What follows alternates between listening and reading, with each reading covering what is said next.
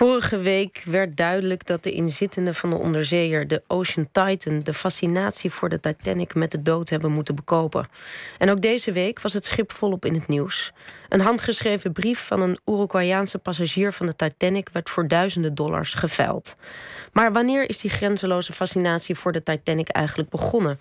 Dat weet Dirk Misschoot, uh, journalist en schrijver van het boek 100 jaar Titanic. Goedemorgen. Goedemorgen. Ja, die brief die is uh, vrijdag geveild voor 12.000 dollar. Hoe bijzonder is die brief? Uh, ik denk dat die brief zeer bijzonder is, omdat hij uit eerste hand uh, iets vertelt over hoe dat was aan boord van die uh, Titanic. En, en, ik weet dat het mensen verbaast dat er brieven van op de Titanic überhaupt ergens zijn aangekomen. Dat heeft natuurlijk alles te maken met het feit dat die Titanic tussenstops heeft gemaakt. Hè? Is vertrokken in Engeland, maar is dan naar Frankrijk, vervolgens naar Ierland eh, gegaan. En daar is post van en aan boord gegaan. Dus zo'n brief is eh, best wel uitzonderlijk. Er zijn er nog, hè. En er zijn er zelfs dicht bij huis, als je kijkt in Nederland. Een van de Nederlandse opvarenden was uh, Georges Reuglin directeur bij de Holland-Amerika-lijn. En die heeft ook een brief uh, verstuurd van op de Titanic. Het is een fantastisch document. Maar wat staat er dan zoal ook... in? Staat er iets, leren we iets over dat leven daar? Ja, absoluut. Uh, hij beschrijft bijvoorbeeld, George Reuglin beschrijft aan zijn vrouw en kinderen die thuis in Rotterdam zijn gebleven. Uh, hoe dat leven is aan boord van de Titanic. En hij beschrijft zijn, uh, zijn suite, want hij reist eerste klas. Hij beschrijft zijn suite en hij zegt in die brief letterlijk dat zijn kamer aan boord van het schip zo groot is als onze salon thuis. Eh, je kunt je dus voorstellen, als je dan die brief thuis krijgt, dan moet je, ja, dan moet je echt wel onder de indruk zijn. En wat ik ook bijzonder vind aan die brief van Reuchlin, dat is dat die niet verkocht is voor veel geld, maar dat de familie Reuchlin het naar mijn gevoel zeer goede idee heeft gehad om op een zeker ogenblik uh, alles wat te maken heeft met de familie en de Titanic over te maken aan het gemeentearchief in Rotterdam. Dat betekent dus dat alles wat daar vandaag zit, onder voorwaarden weliswaar, beschikbaar is voor onderzoek. Ja. En daar hebben wij wat aan. Daar heb ik ook wat aan gehad bij het schrijven van mijn boek. Precies, ja, dat, um, want veel mensen zouden die brief uh, wel graag willen hebben. Zoals we ook zien aan deze uh, gevelde brief. Um, over ja. die um, uh, fascinatie hè, van de Titanic. Hij zonk in 1912. Was het schip daarvoor ook al beroemd of was het een van de vele? Uh, het schip was ervoor niet beroemd. Het was, het was zijn allereerste reis. Maar men sprak er natuurlijk wel over.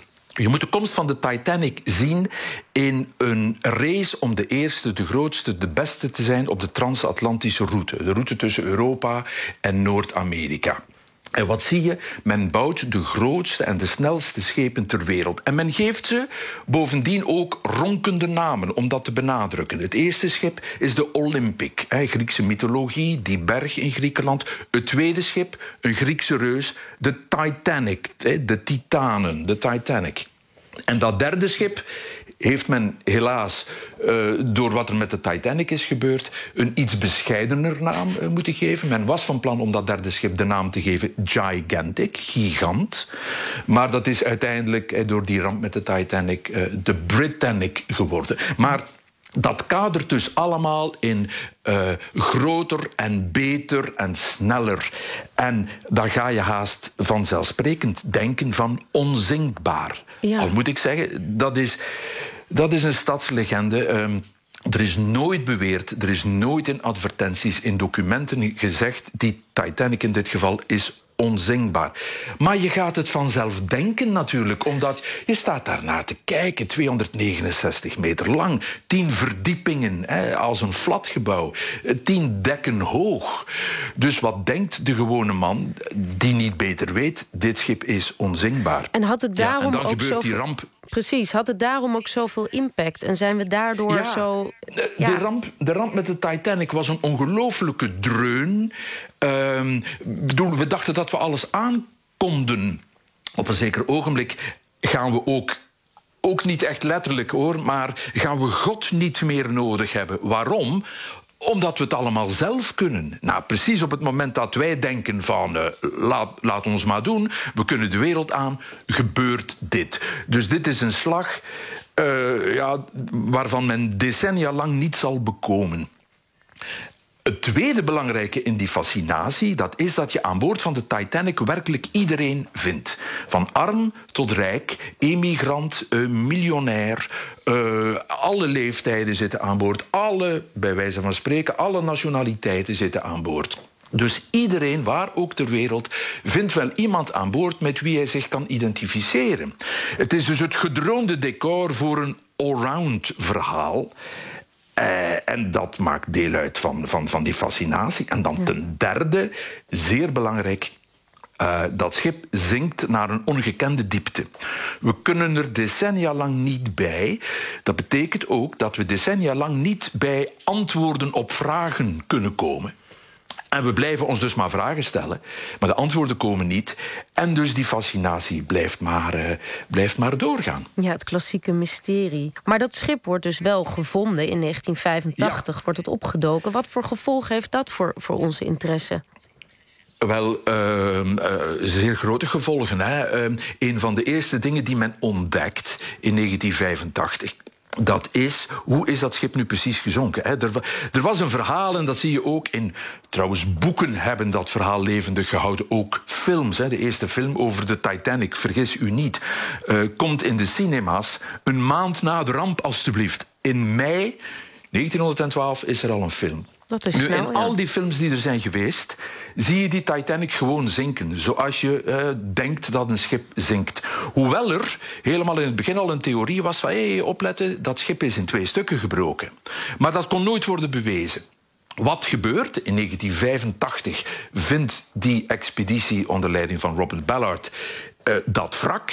En stelt men vast dat op 3800 meter diepte een schip in twee stukken gebroken ligt. Twee stukken die nota bene 800 meter uit elkaar verwijderd liggen. En op dat ogenblik ja, krijgt die belangstelling voor de Titanic een nieuwe boost. We gaan er ettelijke keren op duiken en nieuwe informatie zal letterlijk boven water komen. Met als uiteindelijke gevolg dat dan in 97, 1997 James Cameron van die wetenschap gebruik maakt om zijn blockbuster te maken. De film van James Cameron is eigenlijk de eerste Titanic-film waar je dat schip in twee stukken ziet breken en waar hij natuurlijk fantastische cinema van maakt. Ja, ik was ook fan hoor toen ik de film zag. Ik was helemaal gegrepen. ja, um, ja ik, uh, dus en er blijven natuurlijk nog heel veel vragen onbeantwoord. Want je zou kunnen zeggen, nou, als het er eenmaal is, uh, dan, is dan, dan is dat mysterie iets minder groot geworden. Maar er blijft nog heel veel ja. liggen waar we ons. Uh... Maar er, er blijft heel veel liggen. En wat vooral blijft liggen en ondertussen weg is. Dat zijn de stoffelijke resten. Dus je, je moet je heel goed realiseren dat die site daar diep op de bodem van de oceaan, dat dat eigenlijk een massagraf is. Ja, en dat er vandaag overal ter wereld nog families zijn die weten van uh, onze voorouder, grootoom, weet ik veel, overgrootvader, overgrootmoeder, ligt daar ergens op de bodem van de oceaan. We kunnen er niet bij. Uh, we, we, zullen daar ook nooit meer iets van terugvinden. Maar dat, ook dat houdt dat uh, verhaal gaande. En de discussie over mag je daarop duiken, mag je daar met je handen als het ware in dat wrak vroeten om daar allerlei stukken boven te halen. Wat is de bedoeling? Ja, dat is een discussie tussen ja, maar we moeten nog wat historische feitjes recht trekken. We moeten nog wat wetenschappelijk onderzoek kunnen doen aan de ene kant. En het souvenirjagen aan de andere kant natuurlijk. Hè. Ja, want daar is natuurlijk en nu met zelfs de... wat nu ja. met, die, met die Titan is gebeurd... en met de ramp met dat duikbootje... ja, dat is ook weer koren op de molen van de populariteit van die Titanic. Uh, uh, oh, ik zou ik zeggen, bedoel... misschien is het nu even klaar. Maar dat is dus... Uh... Nee hoor, nee, nee, je ziet nu... neem me kwalijk, het feit dat wij hier vandaag met elkaar over dit onderwerp praten, heeft natuurlijk daarmee te maken.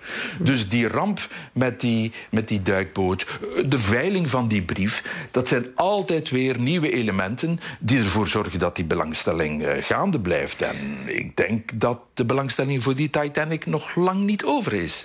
Goed, nou, we zullen zien. Hartelijk dank, eh, Dirk Muschoot, journalist en schrijver van het boek 100 jaar Titanic.